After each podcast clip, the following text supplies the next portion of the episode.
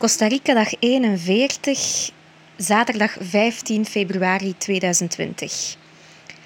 11 uur geslapen vannacht en nog moe. Kunt je u dat voorstellen? Omdat we gisteren heel de dag zoveel hebben gegeten, zouden we vandaag lunch overslaan, maar dus de dag wel beginnen met een rijkelijk ontbijtbuffet. Om 9 uur zouden we dan een geleide wandeling doen om dieren te spotten. We zagen verschillende kikkers. De blue jeans frog bijvoorbeeld is rood met blauw en ook nog een knalgroene. We zagen ook toekans met een heel mooie kleurrijke bek. We zagen lizards gecamoufleerd en een soort grote hagedissen in bomen. We zagen ook de bulletmier, wel 5 centimeter groot. We zagen ook een grote witte valk. Een deel van het spotten gebeurde op ons domein, de andere aan de overkant van de Suspension Bridge in het primaire regenwoud. Gisteren hadden we trouwens ook al een luiaard gezien en zo'n felgroene kikker met rode ogen. Wildlife is, ook de nummer is dan ook de nummer één bezienswaardigheid in Costa Rica. Na de wandeling deden we een dutje. Daarna gingen we een wandeling op onszelf doen in het regenwoud, op een aangeduid pad. Voor mijn ouders was het een heel bijzondere ervaring.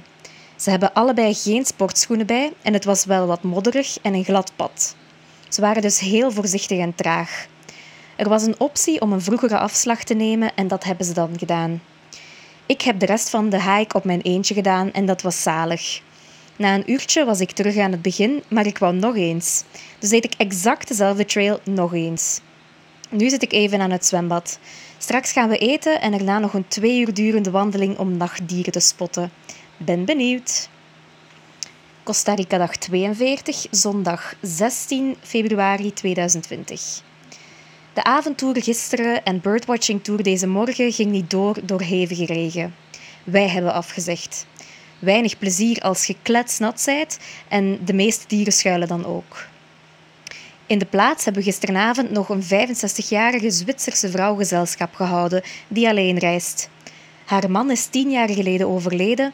Ze wil nog altijd graag de wereld zien, maar tours vindt ze afgrijselijk. Na het ontbijt deze ochtend zijn we door de regen naar La Fortuna gereden, aan de Arenal-vulkaan. Ik mocht rijden, yay!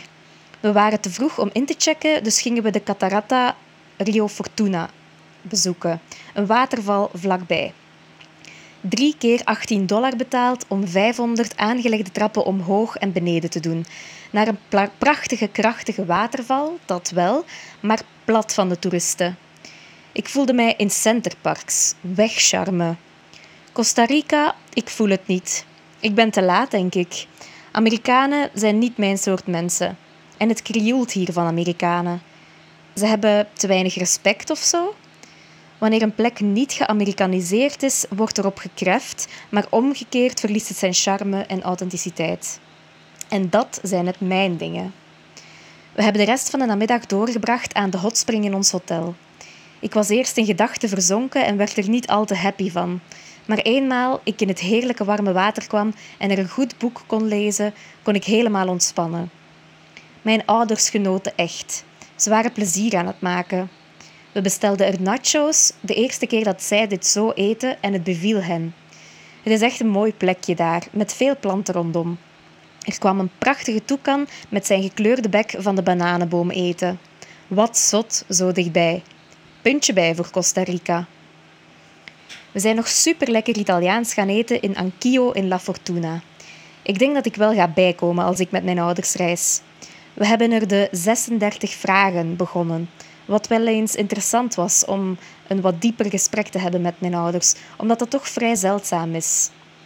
Mijn papa zijn grootste wens is om morgen om 7 uur aan het ontbijt te zitten en de dag vroeg te starten.